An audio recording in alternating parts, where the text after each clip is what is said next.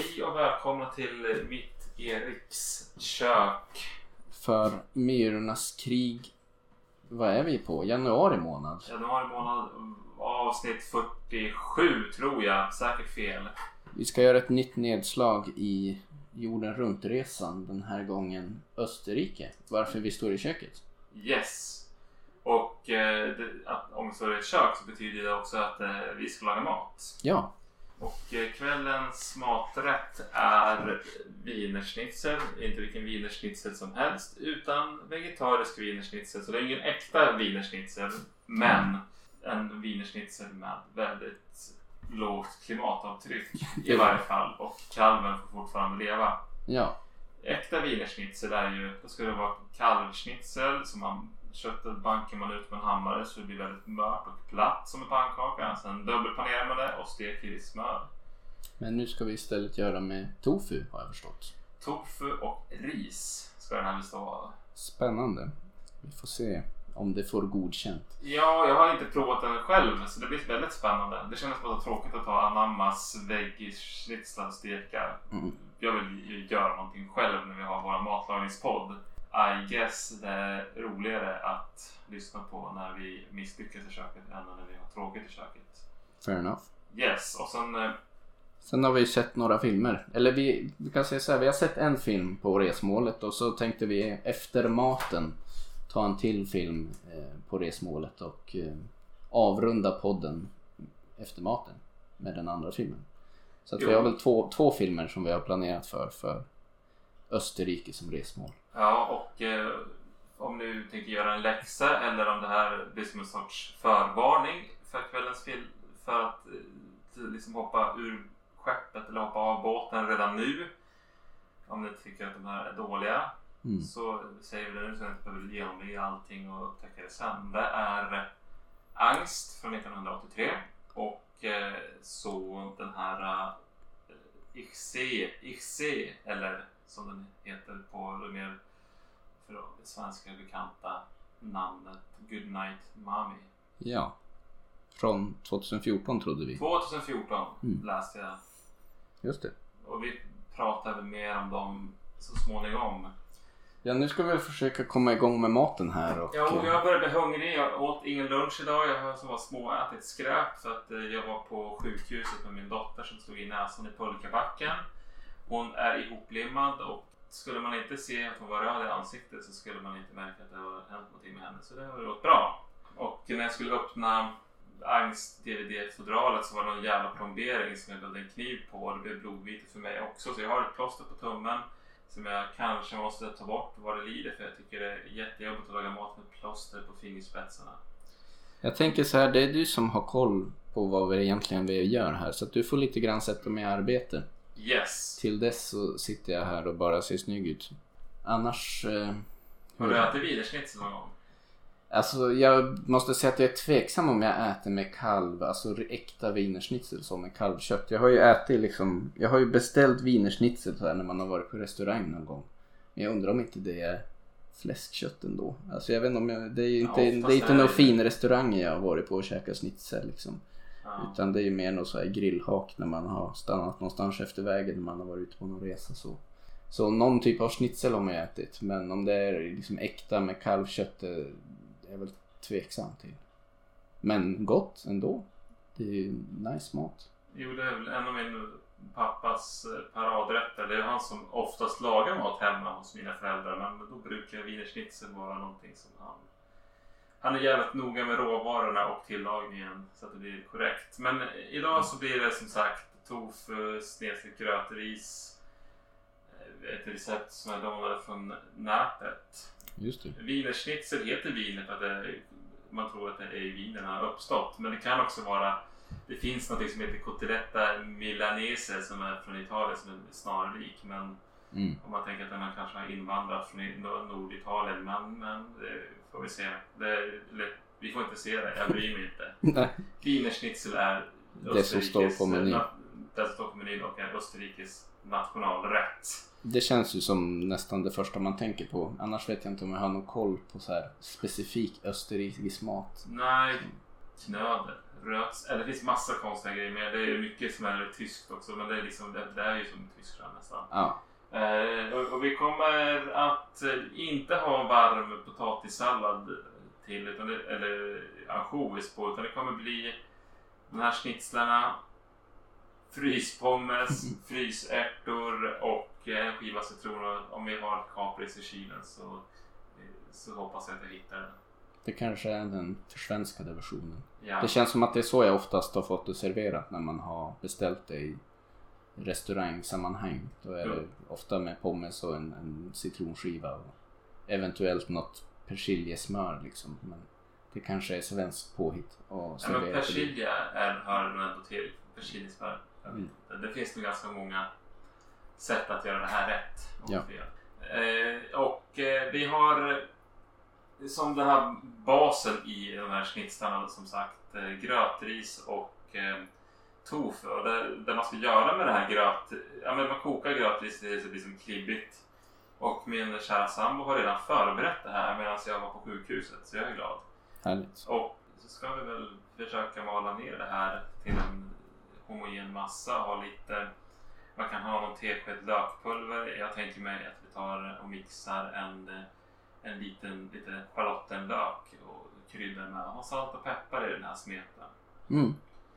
Och man ska enligt receptet använda en matberedare eller en mixer men jag tycker det är mycket roligare och mer poddvänligt att mala med en köttkvarn som jag hittade på en loppis. De brukar man kunna hitta på Röda Korset i Järpen eller eh, Kupan i Skellefteå. Härligt. Eller Myrorna eftersom det här är Myrornas krig så måste väl de vara närmast Närmast till hands. hands. Och nu ska vi se hur mycket tofu ska vi ta? Vi tar kanske inte mycket tofu för mycket mat. Hur har månaden annars varit då? Eh, jo då, det har varit en... Du kan få hacka upp den där tofun. Mm. Tärningar som fanns i kvarnen. Ge mig. Eh, Ett månaden har varit... Eh, ja, vi har inte hunnit göra så mycket på de där två veckorna sedan vi sågs. Jag har eh, fått, eh, liksom har med blivit fast på akuten eller fast anställd där så jag ska bli specialist där så småningom med tanken. Mm. Jag kommer väl vara liksom lite ansvarig för att utbilda inom akutgynekologi för de som jobbar där. Det känns ju rimligt. Det känns ju rimligt precis eftersom jag är gynekolog. Och jag kommer nog fortsätta jobba lite som gynekolog någonstans. Mm. På tanken. Vad, ska vad har jag mer varit med om? Det, var det jobbmässiga. Sen är det liksom det här platsläget och allt det där som man tampas med varje dag. Det känns inte roligt. Och, De har ju kommit med någon typ lönesatsning nu på ja, sköterskor och undersköterskor tror jag, men för att försöka lösa den akuta personalbristen som råder på många ställen. Dock, Jo, ett sorts lönetillägg ifall man jobbar viss Tre typ- skift, tror jag. vi- Viss typ av skift. Och det är vissa kliniker som får det här. Så det är inte alla som jobbar tre skift som får det här. det kommer säkert bli mycket gruff om hur det ska fördelas. Och, Jo, och det är redan så här att de som, jag menar på akuten är ju ett av de ställena som kommer få det. Men de är ju missnöjda för att, vilket jag kan förstå. Det är liksom ett lönepåslag på 3000 för sjuksköterskor och 1000 för vad heter det, lönetillägg menar jag, för Ja. undersköterskorna. Och det- det är ett problem också med lönetillägg. Att det är en sån där grej som man är rädd att det kanske bara försvinner en dag. Sen när man har eh, fått skutan på rätt köl igen så kommer man det blir så dåligt igen. jag räknar kallt med att jag inte kommer få en krona då. Ja, då jag har ju börjat jobba nu. Eller vad säger jag? Jag har börjat plugga nu. Så jag ska plugga till IVA-sköterska. Men då har jag ju så kallat studiebidrag. Som är inte så mycket pengar men det betyder väl att jag kommer landa utanför de här som innefattas av den här lönesatsningen. Men får inte du betald utbildning? Eh, jo, men eh, vad heter det? Studiebidraget är på 26 000. Så det är inte fy skam för det för att plugga men det är inte mm, eh, samma som man tjänar när man jobbar aktivt så att säga. Sen kommer jag väl jobba lite i sommar så, timvecka och grejer men eh, annars så än så länge känns det som studierna är som ganska lugnt sådär. Det är inte så mycket hetsigt än men jag tror att det snart kommer att bli. Så vi får se. Men jag hoppas ju ändå att det ska kunna ha lite mer fritid. Jag kommer ju inte, jag jobbar ju, planen är ju liksom att jobba dagtid så att jag är på medicinska biblioteket på dagarna när ungen är på förskolan och försöker göra bort det mesta. Så kanske jag har lite mer kvällstid ledigt för att till exempel se på film och snacka skit om det. Hoppas jag på för det här året. Det är, det är Myrornas krigsplan i varje fall. Ja. På tal om skräck, höll jag på att säga. Så hade jag ju nästan en, en liten sån här skräckupplevelse. För inte så länge sedan hemma när min kära fru arbetade. Det var ändå så här som man blev lite skakig. Då låg jag och sov med Greta i sängen. Vi tar golvet sen Björn. Sen började min... eh, Din dotter. Ja, Eller? det började knacka i väggarna, vilket var nog grannen som höll på. Och Mitt i grejer med natten? någonting. Nja, mitt i natten. Det, för Greta är det ju det, men det var ju typ klockan 10 liksom. Ja, just det. Så egentligen inte så sent. Men hon blev ju skitstörd av det där och liksom ah, vem är det som kommer? Vem är det som kommer? Och jag bara, ah, men det är lugnt. Nu går jag upp och tittar, såg att det är ingen där, bla bla bla. Till slut fick jag nog varva ner igen. Och eh, precis då när hon hade varvat ner, då hade hon byggt något stort torn med träblock inne på sitt rum som rasade. Som var ändå så här, okej jag kunde ganska snabbt rationalisera det men man blev lite skakad du vet. Man ligger och lyssnar på ljud och bara, men det är utifrån någonstans. Och så är det som bara, okej. Det där var uppenbart direkt från det andra rummet. Sov hon med dig då? Alltså du visste inte att hon skulle gå in där liksom? Nej, hon var inte inne där. Det rasade ändå. Jaha, det var sen av, tidigare? Ja, det, av oklar anledning Av rasade det. som var där. Precis.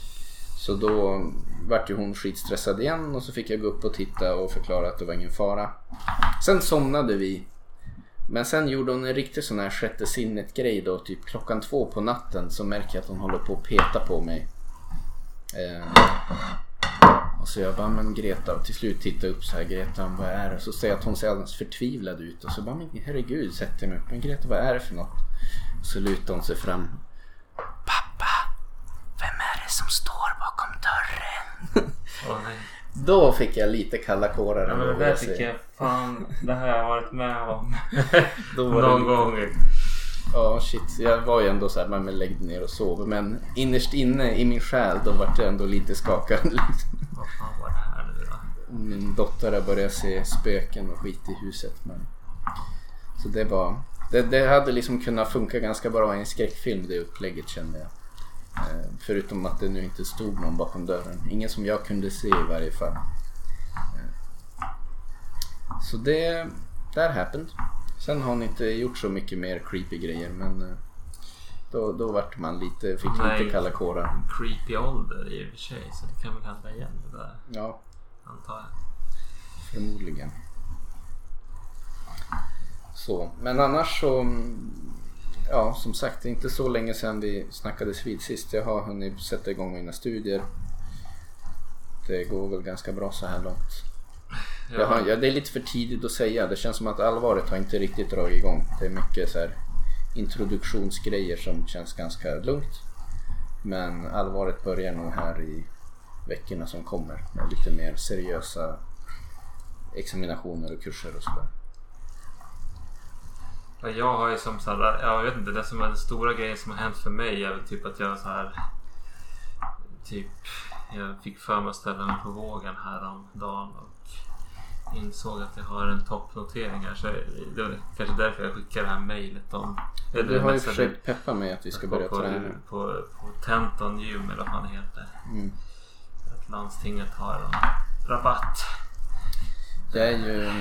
Ja, alltså sen jag blev farsa så har det ju gått ut för. Jag har som inte riktigt haft någon tid Nej. att träna. Men nu kanske lite beroende på hur studierna faller ut och så vidare. Så. Men kanske finns hopp för mig att kunna träna mer, i alla fall dagtid när Greta är på förskolan. Jo, Hoppas jag. Annars har det varit mycket att man antingen om man jobbar eller så har man haft barnpassning. Nu är vi som igång med dagis eller förskolesvängen och kanske blir lite mer rimligt att kunna hitta någon träningstid. Känner mig extremt omotiverad men jag har ju också gjort eh, ständiga toppnoteringar. Jag har vägt mig någorlunda regelbundet för jag har vägt Greta ganska ofta. Så slänger man upp sig själv på vågen också men det är ju, det är ju något kilo till varje gång. Liksom. jo det skräms. Och det är inte, det är inte muskelmassa jag har lagt på mig. Nej, Bukfett man vill dra på sig. Det, är väl- det, det, det syns kanske inte så mycket men det känns. I alla fall på mig. Det, jag, vet inte, jag känner inte av din. Jag märker ju det när jag busar med Greta att man är inte så Så jävla osmidig. ja, ovig och Tung. tung i kroppen. Liksom. Det, det är inte bra. Men eh, det hör väl lite grann till. Det känns som att det är många som lägger på sig några kilon efter att bli föräldrar. Nu var det som en direkt i...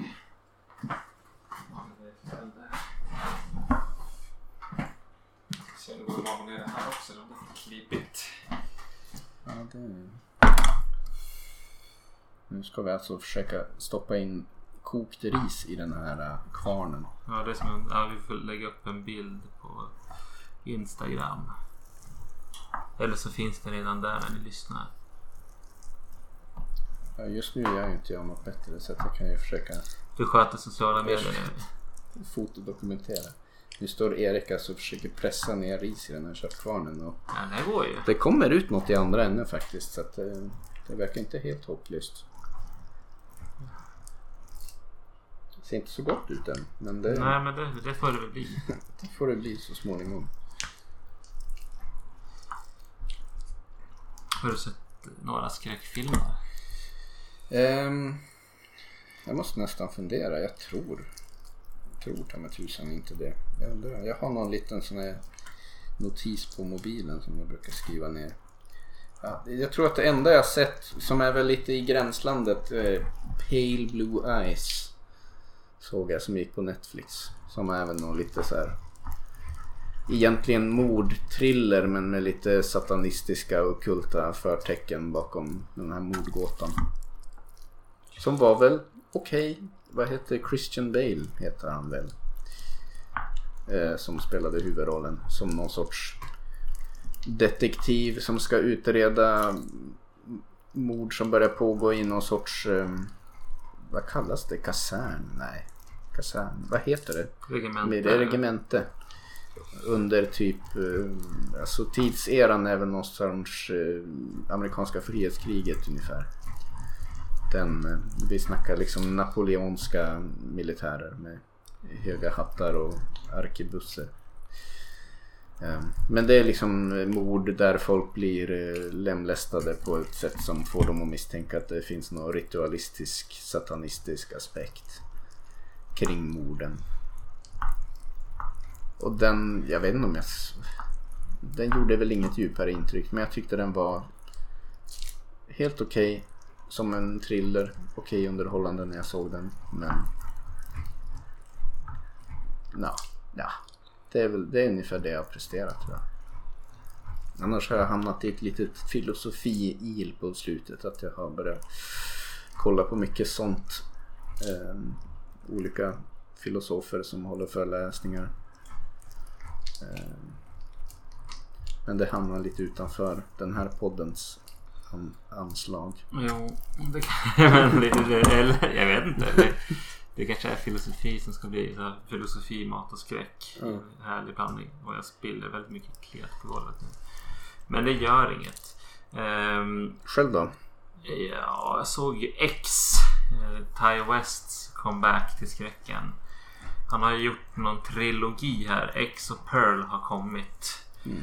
Jag, jag tyckte väl att det, det var som en film. Det handlade det är som en 70-talsfilm. Eller det handlar om ett, ett, ett porr, porrfilmscrew som ska har hyrt en eh, stuga på eh, liksom någon sydstats Vischa. Mm. De ska spela in en porrfilm där. Och eh, de de hyr av är ett äldre par. Det, det händer en del skumma saker där. Jag hade, tyckte när man liksom var i det här eh, dynamiken i den här porrfilmsgruppen och deras liksom försök att när de hängde och när de bara liksom gjorde sin porrfilm. Mm. Eh, där tyckte jag liksom var bra men sen när skräcken började så tyckte jag att det var ja. Det Okej. var som ganska snyggt filmat och sådär. Jag tyckte det, ja men den var väl okej men det var som också så här man får de här gamla var ju som ålderssminkade Mm. på ett sätt som jag hade jäkligt svårt med och man liksom så här, gjorde som ett här skräckelement. Så här, de här äldres sexualitet var som en del av skräcken som att ålderdom är typ det äckligaste som finns. Okej. som de eh, spelade på. Nej men det var lite så här, vad fan. Typ. Men ja, sevärd, jo. Ty- Ty West tycker jag är lite, jag, jag känner, jag, nu har jag inte sett så mycket av honom men jag, eh, det känns som att han är lite överreklamerad. Men vi kanske ska få göra en ordentlig, en ordentlig djupdykning i hans verk. Och nu kommer min dotter Irma här och knackar på. På dörren här. Hallå, hallå. Hallå. Har du kortbyxor? Härligt. Här står vi och lagar mat. Det ska bli schnitzel. Smittkärl. Ja, Och det där ris. det är ris. Det är som, nästan som risgrynsgröt som jag håller på att göra. Som en smet som vi ska steka sen. And she's gone. Det brukar gå ganska snabbt när hon gör sina nedslag i podden. Ja. Ja, ja. Har du varit i Österrike någon gång? Om vi ska tillbaka till kvällens eh, Jag har varit resa. i... Nu är jag min geografi här. Jag har ju varit i Alperna en gång. Och jag tror att jag var i österrikiska Alperna. Men jag blir lite osäker. Sant, Sant Anton tror jag. Sankt, det låter som Schweiz, Schweiz men jag är inte säker. Jag, jag, är också... Jag är skitdålig på ins... Men det... Jag ska knyta fast en pappa. Men, Nej, sitt på... Åh, nej, jag är inte fast. Äh, nu blir Erik fast här. Fastknuten. Och vilken jävla kletig smet. han det här måste knyta fast. Titta på golvet, det är smuligt nu. Ja, jag har ett spel. Nu måste jag sopa upp nu. Nej, det behöver du inte. Vi ska göra det sen när vi har lagat klart maten. Sankt Anton är en kommun i Österrike. Han jag kollade upp. Ja, vad bra. Då hade du det. Så att jag har varit där. Du har Dock varit var där. det en resa som Du inte minns. Jo, så illa var det inte. Men det var, alltså det var lite så här. Det var väldigt populärt då att alla skulle åka ut först liksom. Men jag tror att det var den resan, det var en väldigt dyr resa. Men det var nog lite under den resan som jag insåg att jag tycker inte det är så kul egentligen. Det var liksom när man hade lagt ut alla de där pengarna. Sen slutade det med att den, den som jag mest åkte med skadade sig ganska illa första dagen. Men då var det lite sen, ja då var man där och man hade sitt liftkort så då var det som ändå att man fick försöka ta sig ut i backen och åka. Men det, det var lite sådär alltså. Jag, jag var ute och åkte själv på dagarna och sen satt vi och drack öl tillsammans på kvällarna. Men, Det var ölen som blev värt. ja men Det kanske. kanske var värt ändå. Ja, nej, det var, det var en okej resa I guess. Men jag, efter den resan har jag aldrig åkt ut för igen. Jaha. Jag liksom nådde någon slags insikt om att det här är nog inte riktigt min grej egentligen. Jag åker hellre på, på tvär, tvären. Jag höll på att ramla på Irmas leksaksöl hon fick när hon var på sjukhuset idag. Fan vad otäckt. Det här blir en olycksdag. Ja, men eh, så det... Och det enda av liksom det jag har konsumerat där så är nog det enda som gjorde något bestående intryck var väl strårommen. Ja, just det. Den, eh, den är ju som bekant ganska stark. Det var första gången som jag tagit en springnota. Helt omedvetet, men då var vi på någon krog där som var... De har ju principen där att man, till skillnad från i Sverige där man beställer och betalar så har man en nota där även när man går på klubben eller på krogen. Så vi drack ju på ganska bra en, en av kvällarna där. Eh, strårom och el och allt möjligt annat. Och sen gick vi hem och kände oss nöjd med det. Och så insåg vi sen efter vi kom hem bara, men var det någon som betalade liksom? Och då var ju vi ändå ett sällskap på typ fyra pers. Som hade druckit ganska friskt och sen bara rest oss upp och gått härifrån när vi kände oss nöjda. Så att det var, det var inte medvetet.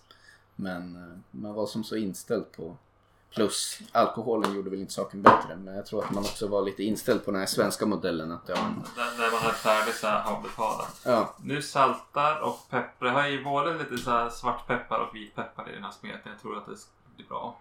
Mm. Och Eh, så ska vi se, jag kanske tar i en liten, man hittar en liten lök jag kan mixa ner här. Men vi håller på här och pillar på med maten. Erik ska skära lite schalottenlök. Men för att inte uppehålla oss för länge på matprat så tänkte jag att medan vi håller på här kan vi ju börja prata om den filmen som vi faktiskt har sett. Som då är Goodnight Mommy från 2014. Och den är gjord av, um, vad hette hon, Severin någonting och någonting mer. Ja, det kanske vi skulle ha kollat upp. ja. Nej, men det är samma personer som har gjort The Lodge. Såg du den? Ja, den har vi sett. Och det är lite grann samma stämning i... Alltså det är, liksom, det är lite... Ja, det finns den här barn... Olika barnaspekten Mm. även där. Nu kommer jag snart... Oh shit. Mixar så att det blir lite oväsen här trots, trots allt. Vi ser väl om jag hinner, men jag tänkte jag kan dra en liten snabb synopsis innan du sätter igång mixen. Men... Eh, eh, Good Night Mommy i alla fall, då får vi följa. Vi hoppar ganska direkt in i handlingen. Eh, Ja. Familj med två barn och en mamma som... Mamman är skadad av oklar anledning och det är lite pressad stämning i familjen. Jo, så att man förstår att de, är liksom, de håller på att gå igenom ett trauma. Jo men det är att Det är- de har, dels har väl mamman och pappan har separerat. Sen så är liksom tvillingarna eh, liksom också lite sådär. Stämning, vad säger man? An, relationen mellan mamman och barnen är väldigt ansträngd. Plus att hon är liksom skadad på något vis. Då, och Hon är som lite... är som ganska stressad och taggarna ut. Jo, nu mixar jag. Så. Och det är väl ungefär där vi får hoppa in i handlingen. Ehm, och eh, som man bygger upp skräcken i den här filmen så bygger det väl lite grann på också att eh, mamman går ju och är bandagerad runt ansiktet hela tiden och de här tvillingarna liksom känner inte igen hur hon beter sig och börjar bli lur på att det inte är deras mamma egentligen. Nej men precis. Ja men vi kanske ska nöja oss med den synopsisen. För det är typ där det är. Ja. Den här filmen kretsar. Om vi ska ta det enligt våran S-bar-princip då, där vi tänkte börja prata om S, Som är skräck skräck, spänning. Och då vet jag inte om jag har så jättemycket egentligen att säga om den här filmen. Det, det är väl en del liksom obehagliga visuella effekter som förekommer men känns lite påklistrat liksom. Det är väl lite grann så här, saker och ting som man är lite oklar om det är något obehagligt som egentligen händer eller om det är barnens liksom, perspektiv som vi får se som är liksom en liten distorted view av verkligheten som man får se. Men som ibland är lite obehagligt. Sen genomsyras ju den här filmen av någon sorts generellt obehag lite grann hela tiden. Men på ett sätt som jag inte är övertygad om att jag tycker att det funkar. Det var som mer att jag blev mer förvirrad. Om, så här, ska jag vara orolig för något nu eller inte? Det var som att det, det var som en hotfull stämning som låg där hela tiden. Med sättet som det var filmat och sättet man har tonsatt det. Jo, att det är alltså så här, ja men precis. Det är som en ganska kuslig eh, stämning. Att det liksom... Vem är det som är hotet och vem är hotad och vad är det så? Alltså det är liksom, det, det är man... Alltså det, det är ju som en, det är någonting, det är som gjort att, ja men någonting hemskt ska hända typ. Man förstår att någonting är off och gåtan är väl vad, vad är det som är off. Alltså. Men jag tycker liksom skräckmässigt tycker jag inte den här håller måttet. Ärligt talat personligen. Jag, jag blev inte så creeped out av det som var tänkt skulle vara creepy tycker jag. Och det är inte så mycket explicit skräck så förutom lite grann på slutet.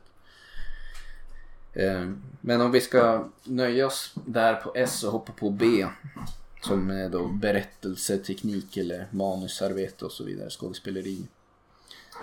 Ja men det tycker jag, ja men jag kan väl få, jag tycker att de har hittat två jäkla bra tvillingar ändå. De har sin relation där jag tror att de är tvillingar på riktigt. Ja, ja men det är obviously Elias och Lukas? Lukas Mm. heter, de, heter de i verkligheten tror jag också. Men de är, jag tycker att de är, funkar jättebra. De är som...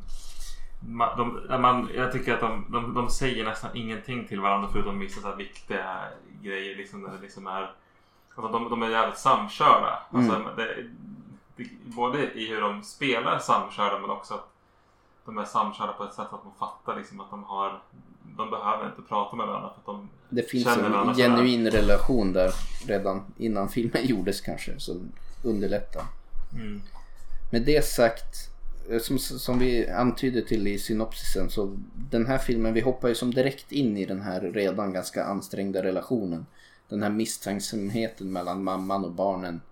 Det känns som att den finns redan där från början. Mamman är bara inomhus och inbandagerad och liksom håller sig ganska mycket undan. Förutom när hon kliver in och är arg på dem av olika skäl. Jo, hon skäller ju på dem för att de är smutsiga eller för att de är ute och leker på fel sätt. Mm. För att de, ja, det är som de, allt de gör är som... Och man förstår att de känner liksom inte igen deras mammas beteende. Och då är det lite grann då det här. Är, är det någonting som är off som barnen misstänker eller är det liksom egentligen bara en, en kvinna som har fått gå igenom ett stort trauma och har svårt att hantera det som gör att hon kanske beter sig lite eh, okaraktäristiskt för hur de brukar vara gentemot barnen. Eh, sen är det ju, jag vet inte hur jag ska närma mig det här lite men det finns ju en twist i den här filmen som jag ganska omgående listade ut. Och sen var det lite grann att jag bara satt och väntade på att the grand reveal skulle komma som ju så småningom då kom också mot slutet. Jo, men det, det, det var som att jag fick en ledtråd och så tänkte jag på en litterär sagofigur som jag läst väldigt mycket för Irma. Ja, ja, just det. Och sen så kunde jag inte skaka bort det. Sen så, men det var ju så. Mm. Hur ska de... Men jag tycker att det var ändå intressant att se den. Jag tyckte det var okej. liksom. Mm. Det var inte att det sabbade filmen, att jag liksom an, anade det. För jag tycker att det var ändå liksom... Jag köpte också in på den här andra berättelsen. När det, alltså det, var ju, det finns liksom två sidor av det här. Antingen så är det typ... Är barnen farliga för mamman eller är mamman farlig för barnen? Jag tyckte att så här, från båda perspektiven så var vi, var, kunde det liksom... Det, det kunde stämma åt båda hållen om man säger. Ja. Jag tyckte mammans skådespeleri... Jag vet inte, jag tyckte det kändes kanske lite ojämnt. Hon var nästan många gånger nästan så här lite orimligt hjärtlös Jo, mot sina barn på ett sätt som jag kände var lite så här... Ja men hon slog ju dem ju och, Ja. och, och det var liksom... Ja det var väldigt... Om man nu ville bygga upp någon sorts ambivalens och empati med mamman så hade man kanske behövt lite scener där man ser henne vara mer snäll och liksom förstå att. Hon har fått klappa en katt eller något. Ja, precis. Liksom något sånt där. Nu var det som att hon mest gick runt och var bara en asshole hela tiden som gjorde att det var svårt att empatisera med hennes roll i det hela i alla fall. Och sen som du säger, det kanske inte gör något eh, nödvändigtvis att man vet vad twisten ska vara men de antyder ju ganska starkt mot det väldigt tidigt i filmen. Jag hade gärna fått sväva i ovisshet en liten bit längre. Nu kommer jag ta rikligt med smör. Rikligt med smör. Om jag har rikligt med smör att säga. Audiovisuellt då? Nej men det är väl, där tycker jag att filmen har sin styrka. Det var ju liksom... Nej, men jag tycker den här öppningsscenen när man får följa tvillingarna som far runt på... Ja men det är ju väldigt eh, bra filmat i skogen och i... Alltså det är väldigt bra naturfoto. Det tycker de också som de gör i filmen, om jag ska slänga mig med fina ord, så man skapar ju som en intressant juxtaposition mellan liksom huset och naturen. Så att när pojkarna är ute och leker i naturen så är allting liksom väldigt naturligt och vackert och rika färger och så vidare. Och sen när de är inne i huset, trots att det är kanske objektivt sett är ett ganska fint hus så känns allting väldigt liksom sterilt och grått och ja, de är ju lite, de blir ju lite grann ins, fångarna, fångar i det där huset och mamman som vill ha neddraget alla persienner för att hon inte ska bli utsättas för solljus typ. Så. Det är som en stark kontrast mellan huset och naturen då som kanske representerar friheten för de här pojkarna. Som eh, är snyggt filmat får man väl säga.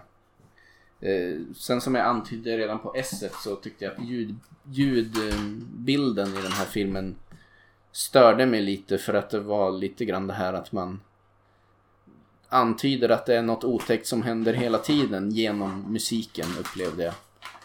Eh, på ett sätt som blev lite irriterande kunde jag nästan. Det var som alltid, alltid en lite hotfull musikgrej som liksom pågick hela tiden nästan. Eh, som irriterade mig lite grann. Det var väl ungefär det jag hade egentligen tagit med mig vad gäller eh, A på den här filmen. Jo, eh, fotot var snyggt. Sen kommer jag faktiskt inte ihåg så mycket av musiken annars. Nej, Jag minns inte exakt hur musiken gick, men jag minns att jag var liksom så här att jag tyckte det blev lite tröttsamt att det var alltid liksom lite grann musik som antydde att nu är det något otäckt som händer även i, i väldigt triviala scener. Eh, som gjorde också att när det faktiskt var något otäckt som hände så reagerade jag kanske inte lika mycket som jag skulle ha gjort för att det är liksom samma musik som har pågått hela tiden som pågår då också. Men R då? Det är väl egentligen där, ditåt vi hamnar. Ja, Jag får väl vara ärlig och säga att nu har vi berömt den här filmen lite grann. Men sammantaget så tycker jag att det här var en ganska mycket axelryckning. jag tyckte den var rätt seg. Ja, jag skulle säga så här. Jag har, att, att det här är en skräckfilm känns ganska onödigt. Det är liksom skräckangeln i den här filmen vet jag inte riktigt om det funkar. Det hade nästan, tycker jag, funkat bättre som ett drama som liksom hade handlat om den här familjens förmåga att hantera det här traumat som de uppenbarligen har gått igenom. Att, eh, det största problemet med filmen tycker jag nästan är att man försöker göra till en skräckfilm på ett sätt som jag inte är övertygad om funkar särskilt bra. Eh, Så det gör väl sammantaget att jag har svårt att rekommendera den här filmen till någon. Jag tycker att den är, fungerar hyfsat. Jag tror jag tycker om den mer än dig, men jag är inte helt eh, golvad av den. Mm. Funny Games var också en österrikisk film som hade nästan varit bättre tror jag. Mm. Av Mikael Haneke. Den är ju fantastiskt obehaglig. Men den hade jag ju sett om än för länge sedan. Nu håller jag på och ska steka och panera. När man panerar schnitzel av kött då brukar jag ha, då är det en dubbelpanering. Då har man alltså mjöl, vispat ägg, alltså man doppar i mjöl, sen Mm. doppar man i vispat ägg och sen doppar man i ströbröd. Nu har vi en annan variant där själva grundbiffen är så pass eh, kletig Mm. så den kommer få ihop så den här äh, yttersta skalet ganska bra. Och nu har jag ju köpt på mig tre kilo, två kilo panko här så det blir panko-panering. Vilket Extra. är jävligt gott tycker jag. Mm. Så får vi se hur det här blir nu när man nu kanske inte följer receptet till punkt och pricka här och kladdigt någonting. Men jag tänker så här.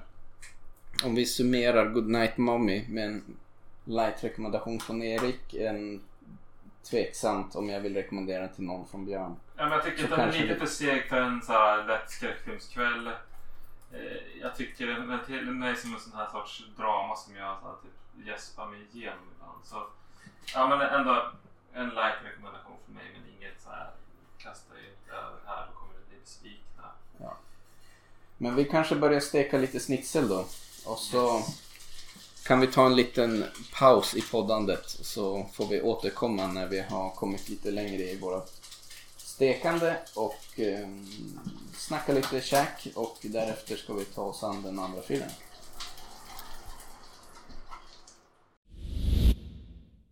Nu är vi alltså tillbaka, eller sitter nere i din källare istället. Men nu har vi lagat och även ätit våran mat. Våran österrikiska mat. Vi lärde oss lite saker under loppet av eh, tillagningen och det var att den här smeten man fick till den var ganska kladdig och eh, liksom den höll inte ihop så bra. Man hade nog behövt ett ägg eller någonting för att binda ihop det där bättre. Men vi, det, det blev ju å andra sidan eh, helt veganskt när man bortser från allt smör som vi använder till stekningen. Mm. Mycket smör behöver man. Sen så märkte jag att det var väldigt lätt att forma de här biffarna om man var blöt om händerna, hade liksom vattnat händerna innan.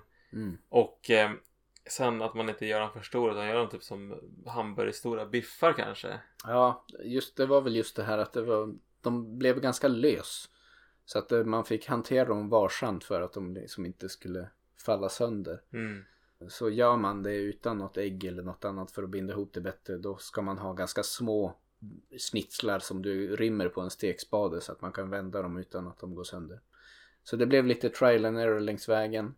Smakmässigt helt okej. Nu tycker jag det, det som slog igenom var väl kanske paneringen. Man hade kunnat ta ut svängarna mer tror jag med smeten också. Ja, vi skulle ha kryddat smeten mer. Jag, och jag tyckte att jag hällde på ganska mycket men som, det, det var ju gröt, ris och tofu. De, alltså det kändes som att det hällde i hur mycket salt som helst. Men man hade kunnat hälla i mer. Så det, de smakar väldigt lite. Men med det sagt så tror jag att det är bra. Eh, om man är bra på att krydda saker så kan man ju forma det, liksom ge det den riktning som man vill. Det känns som ett, ett blankt blad med tofu gröt ris och sen får man bara krydda efter smak. Men vi kanske var lite återhållsam och det smakade gott ändå. Men det var kanske pankoströet som vi panerade i som var den genomslående smaken. Ja, men det var uh, det lyckat. var okej. Och eh, lite svårare än eh, vad jag hade förväntat mig. Men så är det. Och eh, till så hade vi ett eh, österrikiskt rödvin. Markovic eh, Pinot Noir. Eh, som var gott. Ja, jag är ju ingen vindrickare egentligen men eh, som eh, lekman i sammanhanget då får jag väl ändå säga att jag tyckte att det var ett väldigt gott vin. Men eh, en, en mer bevandrad vindrickare kanske hade haft ett mer nyanserat svar. Men jag Ja, tyckte men jag det var nice. det, var, ja, men det var som ett eh, trevligt. Jag tycker nu Pinot Noir brukar vi. Är ett, eh, en druva som jag tycker är ganska gångbar till mycket. För det är liksom inte något så här, Det är inte jättetungt men det är samtidigt inte det här eh, syrliga vitvinsaktiga. Eller det är syrligt är det väl. Men det är liksom inte den här. Det är lite mer än bara ett rent vitt vin. Planen var väl att vi skulle försöka styra någon österrikisk öl också men det gick sådär med det. Det visade sig att det var svårare än man hade kanske kunnat förvänta sig att Ja, få tag på det i, tror jag hade i Umeå i alla fall. Fantastiskt gott till den här maträtten. Så Ett ljust öl, en lager, en pilsner-aktig sak. ja. Mm, mm, hade varit mumma. Men eh, sammanfattningsvis god mat. Österrike vet jag inte. Jag har inte ätit så mycket österrikisk mat som man inte så mycket att jämföra med. Men en eh, schnitzelkonnässör hade kanske tyckt att det var lite för smaklöst. Men jag tyckte ändå att det var ganska bra. Vinet var gott. Jag, nu eh, kom jag på ett sidospår här. Jag var ju med min pappa i Wien för, ja det börjar bli några år sedan, 6-7 år sedan. När han fyll, hade fyllt 60 så bjöd jag honom på en resa dit.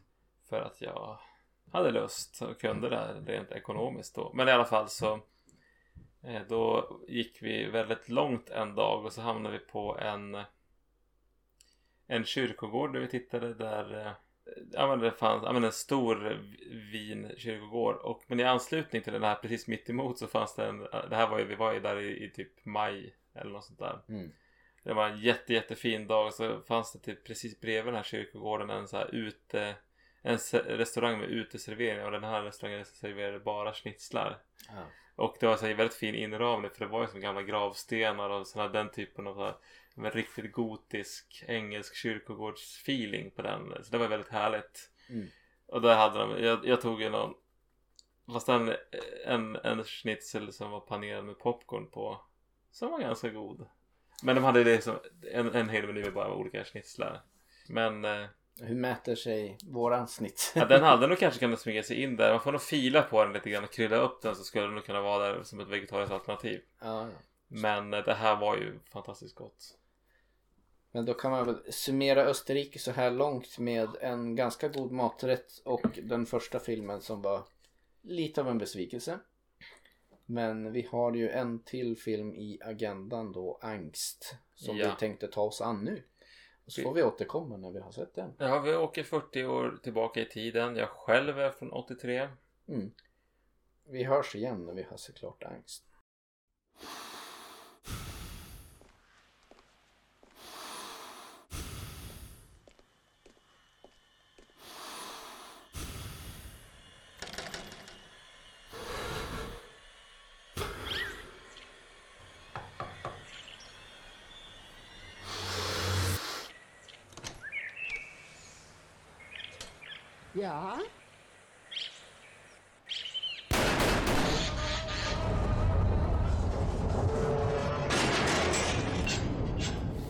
Men då kommer vi väl till... Vi har just sett eh, Angst. från 1983.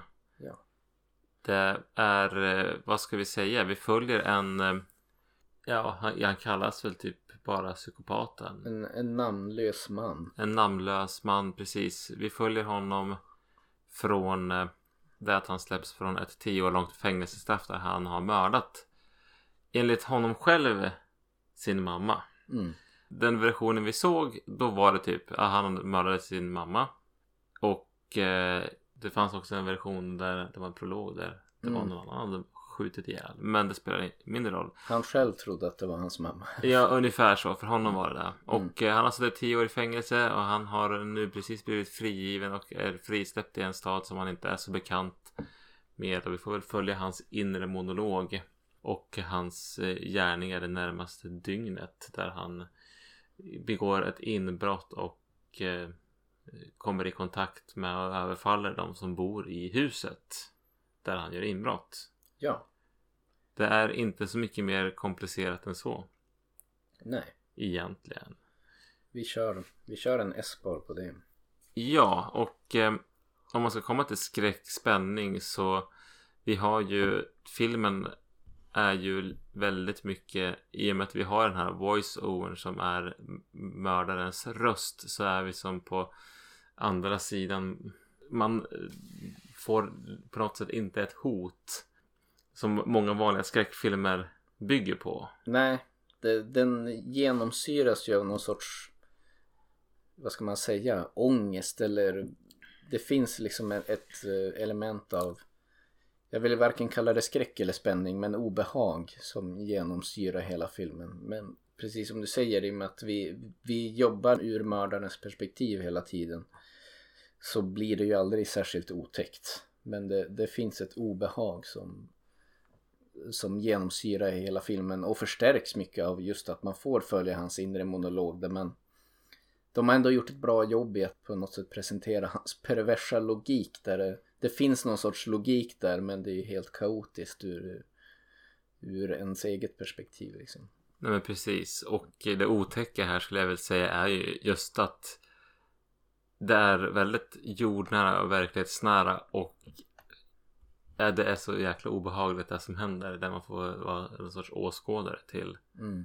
Och eh, det känns smutsigt och man känns väldigt indragen i det och det känns som att jag befinner mig väldigt mycket i mördarens kläder vilket gör att det blir väldigt jag tycker det är väldigt, väldigt obehagligt. Sen är det ju om man ska se det här som någon sorts konsumentupplysning så är det väldigt våldsamt stundtals på ett otäckt sätt. Så nog är det liksom det är ju inte en, en film jag slår på med vem som helst det här. Nej men just av nivån av realism i det gör det väl ändå ganska svårt att värja sig ifrån. Det är ja, liksom inte det här Hollywood goriga våldet men det känns väldigt realistiskt och eh, på ett sätt som gör att man kan bli ganska illa berörd. Eh, tror jag.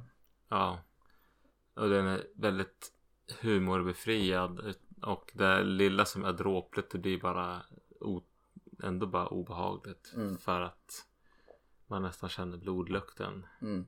inte den här jump scare skräckisen utan det är mer Det är inte så skojig, det är inte liksom skojig skräck det här. Det här är ganska som, ja men jordnära, tungt, o- olustigt. ja Eh, som beroende på vad man är sugen på kan väl både vara bra och dåligt. Men om vi sl- glider in på B då. vi följer ju eh, huvudpersonen här och nu kommer jag inte ihåg namnet på honom. Han är med i Das Båt. Vi kände igen honom båda två. Eh, den han heter psykopaten tror jag. Jag tror inte Erwin. Leder, en österrikisk skådespelare. Han har inget, han har aldrig nämnt vid namn. Nej men han, han känns igen och vi kom väl fram till att det kanske är Das Båt där. Han, eh, man har sett honom och kommer ihåg honom från. Men han gör ju ett bra jobb och han är ju lite grann hela showen. Nästan alla andra som är med är ju mer eller mindre statister för hans liksom sadistiska resonemang och, och tankevärld. Men Ja, liksom, vi- allting utspelar sig på något sätt i hans huvud. Precis, vi, följ, vi är som medresenärer i hans huvud och får följa hans inre monolog när han planerar på ett kaotiskt sätt.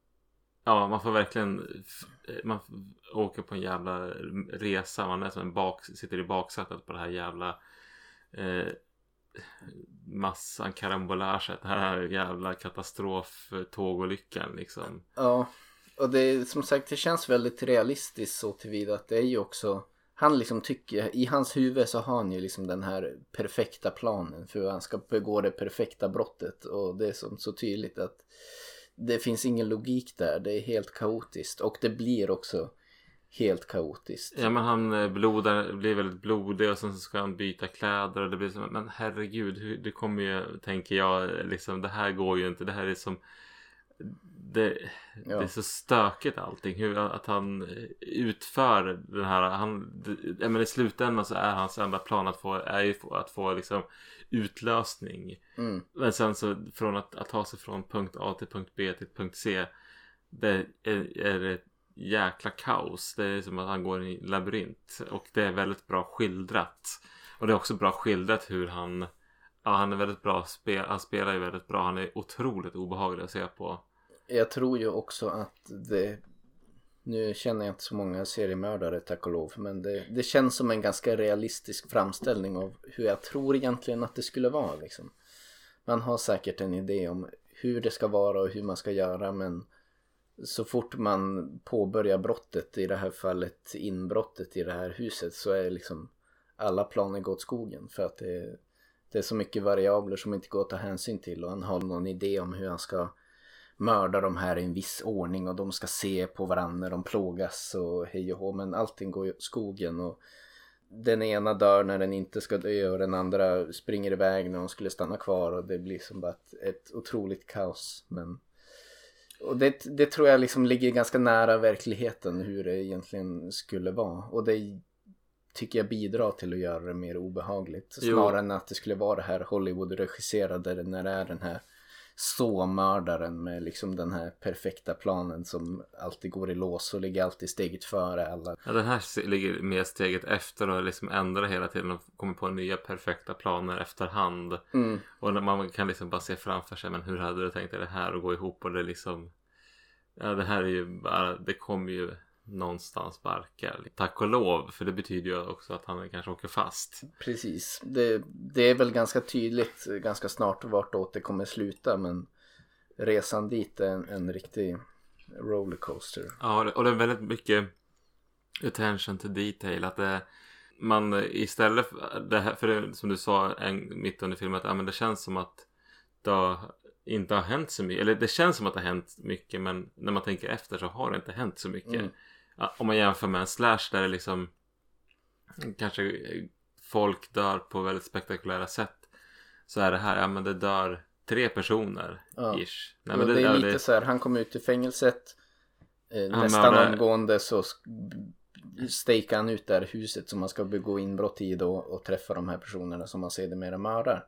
Det sen... är nästan hela filmen men de gör otroligt mycket med det. För att det fyller ut, han ska tvätta sig, han ska ta kläder, han ska tänk, släpa på kroppar och ändra planer och det är någon hund och det är någon mm. det, är ja, det är väldigt mycket som händer där i emellan som ja men jag tänker mig det här är som den diametrala motsatsen till Jason när Jason typ lufsar på långt och kommer ändå dyka upp på den där, det där stället där de har åkt bil till i en kvart. Precis. Fast de bara går långt. Här är det typ här får man, när den andra... Från när... punkt A till punkt B här får man verkligen se hur det verkligen är. Ja exakt. När de andra filmerna klipper och sen klipper man in igen när det är dags för att mörda någon. Här får man liksom följa mördaren hela vägen. Han kaotiskt springer och blir svettig och snubblar och halkar. Och han liksom... dricker vatten och svettas och ska fylla på någon badkar och han ramlar och han eh, står och väntar på någon. Och, det, det ja, det, och det, det, gör det liksom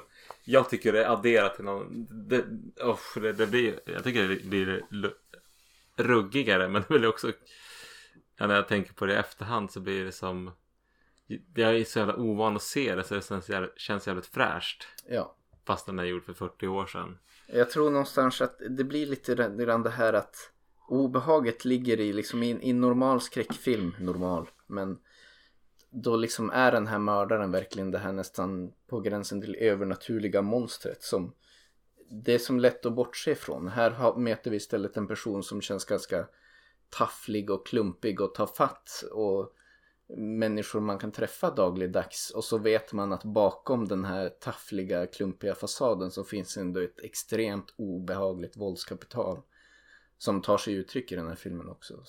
Hans övernaturliga kraft är att han är sadist och saknar empati. Mm. Och att det, där, det är det enda som krävs. Och att han har typ kan tänka sig att strypa dig eller hugga dig med en kniv. Ja. Ska vi, ska vi smyga in oss mot A? Ja, jag tror att vi har, det här, vi befinner oss, om vi tar audio och innan vi tar det visuella Mm. så tar vi 80-tals soundtracket. Du gillar det? Ja, jag, jag tycker ju det här är skittrivsamt men Så Elektro, väldigt, ja men, jag, jag, ja men lite grann, jag tänker lite grann på, jag vet inte riktigt vad, men det är som, som te, jag tänker ju lite grann på liksom Blade Runner och den typen av film att det är lite så här ja men elektrodunkdriv. Men det funkar ändå, jag vet inte. Men det är nog kanske ganska personligt. Jag, jag tycker den här eran av liksom tidig lite elektronisk musik är väldigt trevlig. Eh, jo de, den, den är ju väldigt kall den här elektroniska musiken som är den här, att den är Mm. som, har inte så mycket melodier och det är när, när det liksom händer mörka saker då är det som ganska entonigt mm, som ger en, så här, en, en kyla som är adderar till obehaget. ja och Så- rent visuellt om vi nu ska glida in där så tycker jag att det är väl kanske det som är det bästa med den här filmen. Jag brukar inte alltid ha så mycket att säga om det audiovisuella men här har man ju verkligen gjort ett otroligt ambitiöst arbete med just liksom hur man hanterar kameran i olika situationer för att förstärka känslan av liksom kaos och av ondska och av liksom man jobbar mycket med olika perspektiv. När, när han är i kontroll då ser vi honom ofta ur ett eh, myrperspektiv. Han liksom tornar upp sig över kameran. Och när han är i en mer kaotisk fas när han springer runt och ser vi han ofta ur ett fågelperspektiv och han känns mer vilsen och patetisk och man gör väldigt mycket arbete med just hur man hanterar, hur man filmar scenen för att addera till känslan. På ett sätt, kan, en del kan jag tänka mig kan haka upp sig på det för att kameraarbetet får en väldigt tydlig roll Mm, här. Men, det, men jag, jag tycker det är helt underbart att se det man använder Ja men som du säger, när han ska gå ut ur fängelset och har precis blivit fri Då är det som att han är Då är det filmat underifrån så att han verkar så jäkla kraftfull mm, Och genast när han kommer ut så träffar han på några på ett eh, café där han eh, ja, man ska käka sin första måltid i frihet och han blir genast osäker för Mm. att han ja, men han tänker det är två attraktiva kvinnor som han tänker de här ska jag mörda. Det vore härligt att han fantiserar om det där att det vore härligt att göra något sånt men han inser att det är inte den platsen för att göra det. mm, Och då, då ändras perspektivet att man ser honom uppifrån. Och att det är mycket den typen. Och sen så är det en annan sak. De använder mycket. Kameran gör väldigt många 360 spins. mm, Och det där gör egentligen för oss tittare att man liksom. Om en kamera liksom snurrar runt ett varv. Så känns det som att man verkligen är mitt i. Det finns liksom ingenting. Vi är inne i filmen. För att ett, ja, men det, blir, det skapar en, en jävligt obehaglig illusion. Och det används väldigt mycket. Och det är mycket steadicams och det är mycket kranar. Och det, man följer med på... Någon gång blev jag nästan lite åksjuk för det känns som att man åker på en vagn när det blir skakigt. Men det är, jag fattar inte hur jäkla vad mycket de har lagt ner på att få till fotot på den här. För det är så vinklar och till höger och vänster. Och jättemånga Man hade nästan velat se en behind the scenes av det är något sånt som kan vara lätt att bortse ifrån men i många filmer men här blir det väldigt tydligt att shit vad mycket tid och energi man har investerat i att liksom verkligen skapa det perfekta perspektivet i varje scen. Jag tror att där, där har man lagt mycket av krutet och eh, till filmens fördel. Man jobbar ju också med mycket liksom, extrema närbilder i vissa obehagliga situationer som verkligen förstärker på ett sätt som gör det rätt obehagligt. liksom. Ja, de lyckas till och med göra en korvätning äcklig som fan. Ja, Han kommer ut och ska äta en bratwurst med senap och det liksom är filmat på och det ljudsätt satt på ett sätt som är så här. Först tänkte jag, åh gud vad gott det är med korv typ. Ja. Och sen så var det, det vände ju direkt. Den där korven kan jag vara utan känner man ganska fort. Och det, ja men det förstärker väl liksom känslan av hans liksom perversa sinne på något vis. Att, ja, ka- kameran är en, en, en av de viktiga, en av huvudpersonerna i den här filmen. På ett sätt som jag tycker jag sällan ser i film, eller i alla fall inte tänker på. Är det inte så mycket, jag tycker det, i It Follows är det några sekvenser där det är så, men här är det ju eh, hela tiden kameran är att, för man far här och där, ena stunden som du säger jättenära bild, nästa sekund så är man i någon sorts, alltså det här är ju innan det fanns eh, drönarkameror. Ja, ja. Men det är mycket kranar. Det är, man åker högt upp. Och det är som hur fan koordinerar de det här? Och det är liksom upp och ner och hit och dit. Väldigt mycket. Det är som, nej men jag tänker inte riktigt som det, det finns en kranåkning i Tenebre. Men, men åt det här hållet. Man film ganska långa tagningar där det är Mm. långa sekvenser där det händer rätt, ändå en del. Och man får en sorts, en väldigt stark känsla. Det är verkligen ingen studiekänsla här. Nej. Jag sitter och funderar men jag undrar om det är tveksamt om det finns en enda statisk bild. Eller en, fil, en snutt, ett klipp där, man, där kameran står still och han åker med bilen och det är några sekunder tror jag. Ja. Annars så är det ju liksom kameran är ju riktigt enerverande på ett bra sätt. Ja, jag tycker det i alla fall. Det kanske inte är allas cup of tea men jag, jag var väldigt imponerad av kameraarbetet i den här filmen. Och eh, en stor del av behållningen tyckte jag för mig i den här filmen. Att utan, utan så mycket attention to detail i hur man skapar ljudbilden och hur man filmar så hade det kanske varit ganska andefattigt. Men det för väl oss in mot r rekommendationen. Och då får jag väl ändå säga att jag tycker att det här definitivt är en rekommendation. Sen är det ju inte en skräckfilm kanske riktigt det här heller i någon klassisk bemärkelse. Man sitter ju inte på nålar eller sitter och är skitnervös men det finns ett obehag som genomsyrar den här filmen. Ett obehag som var väldigt behagligt om jag nu ska uttrycka mig så. Och Jo. jag tycker att det var en intressant film. En, en resa, men tycker du om Henry Portrait of a Serial Killer så är det liksom den här befinner sig i samma Mm. region i, i liksom ett, samma typ av mörker och, och, och samma typ av realism. Även om Henry är väl betydligt skitigare. Men Ja. den här är också ganska skitig. Ja, båda är skitiga men det är just det här man, man blir som verkligen indragen i de här jävla sjuka huvudena på ett sätt. Mm. Så jag, ja, jag tycker en stark, stark rekommendation är väl mitt första intryck. Man kanske får smälta den ett tag och återkomma men det, jag tyckte det var en bra filmupplevelse. Men det är ju lite sån här film som man sitter och mår lite lätt, ill, lite lätt illamående efter. Ja. Så att det, det är kanske inte för alla. Nej, men och för en filmintresserad, den här känns, den känns annorlunda. Jag, jag har nog inte sett, ja men det närmaste jag kan komma är väl Henry. Ja, det, det är väl det. Fast den här är mer visuellt slående.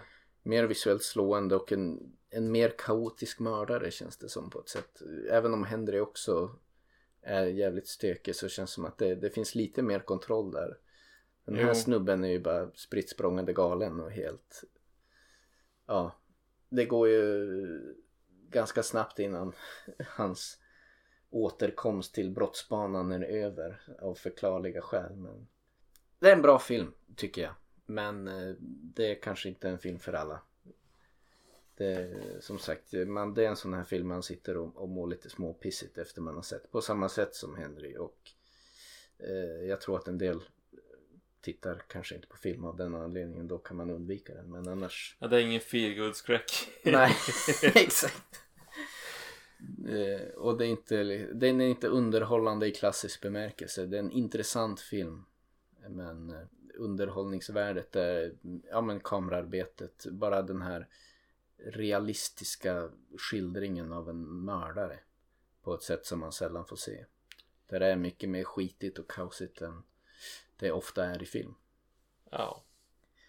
Med det sagt så är jag väl kanske ganska nöjd med vårt resmål. Ja. vi, kan vi summera Österrike?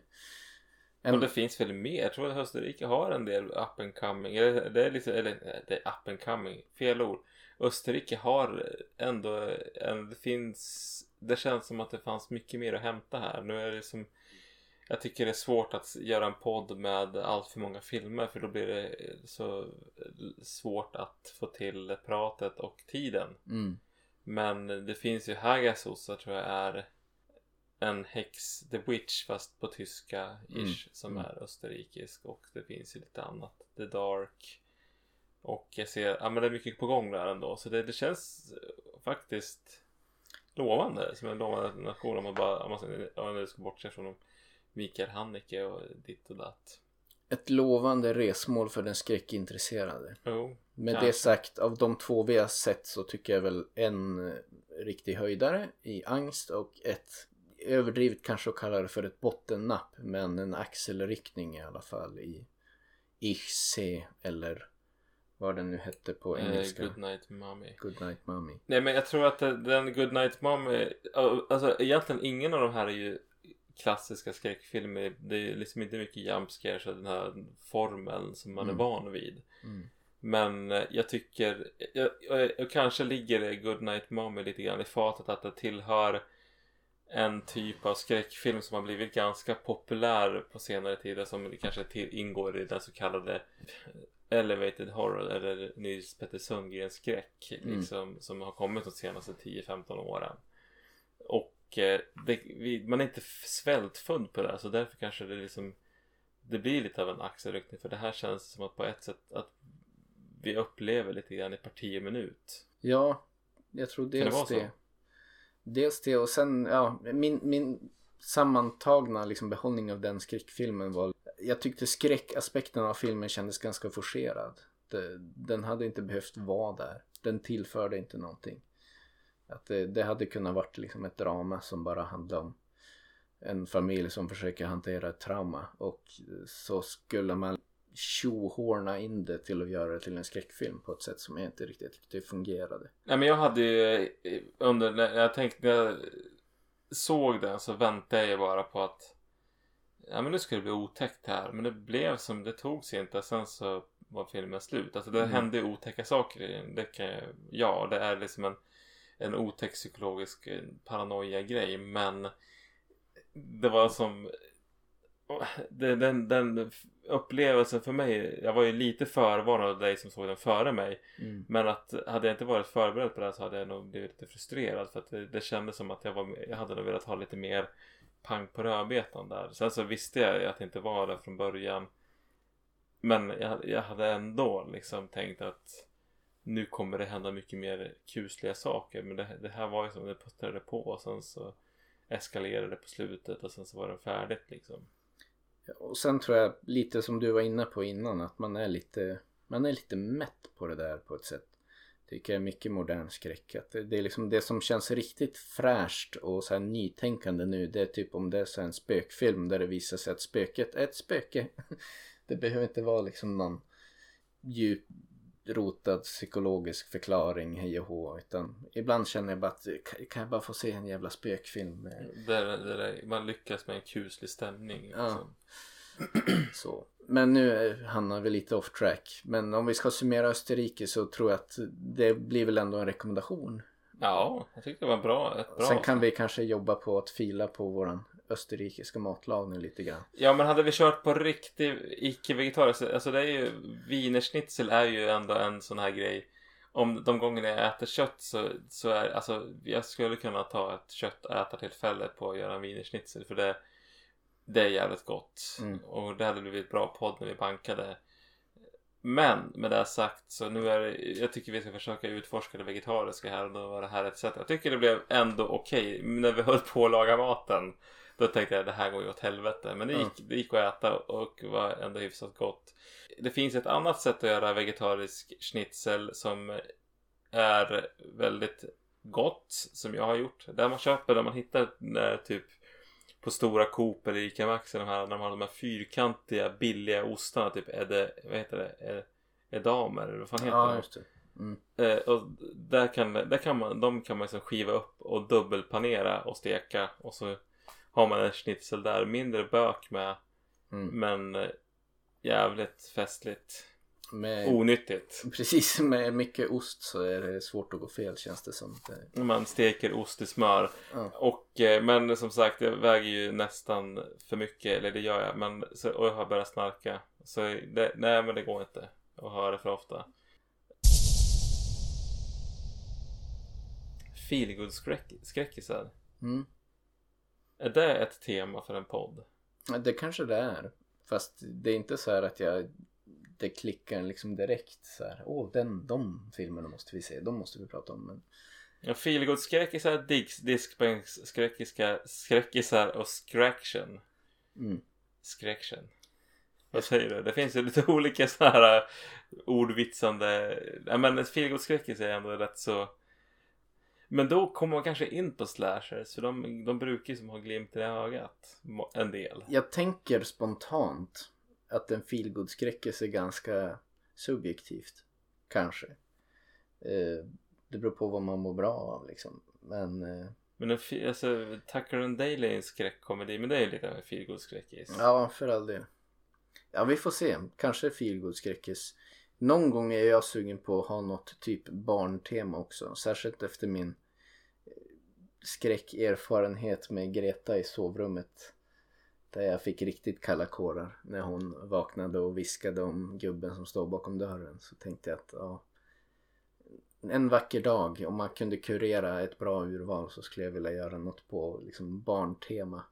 Men det där känns som en av de mest slitna spökhusklyschorna också. Ja visst, jo men det är väl det jag säger. Om man kan kurera ett bra urval som känns lite mer intressant än titta på, äh, fan vet jag, Children of the Corn. Men eh, I don't know, barn är ju fan otäcka ändå. Eh, Jag kommer ihåg, jag, jag såg på bio någon gång, det här gick kanske 2006-2007 och den ska bygga på verkliga händelser liksom angst. Mhm. Men den handlar om några som håller på att renovera ett hus på vischan och så kommer det barn och slår ihjäl dem typ. Mm. Det är också en home invasion. Nu spoilade den filmen. jag kommer inte ihåg vad den hette så ni får inte höra namnet på den. Men det är någon europeisk, den var ganska olustig. Men Mm. eh, typ något sånt. Vad heter den? Sån här, vad heter Eden Lake. Men det Eden kanske inte Lake. är barn i den, det kanske är Det är ungdomar ju ungdomar liksom. Ja, när jag tänker barnskräckis då tänker jag ju lite, Children of the Corn. ja det är den åldern i alla fall. Ja. Men jag vet inte. Det, ja, vi får väl se. Jag har inte blickat framåt så mycket i mitt eget eh, fundering och planering.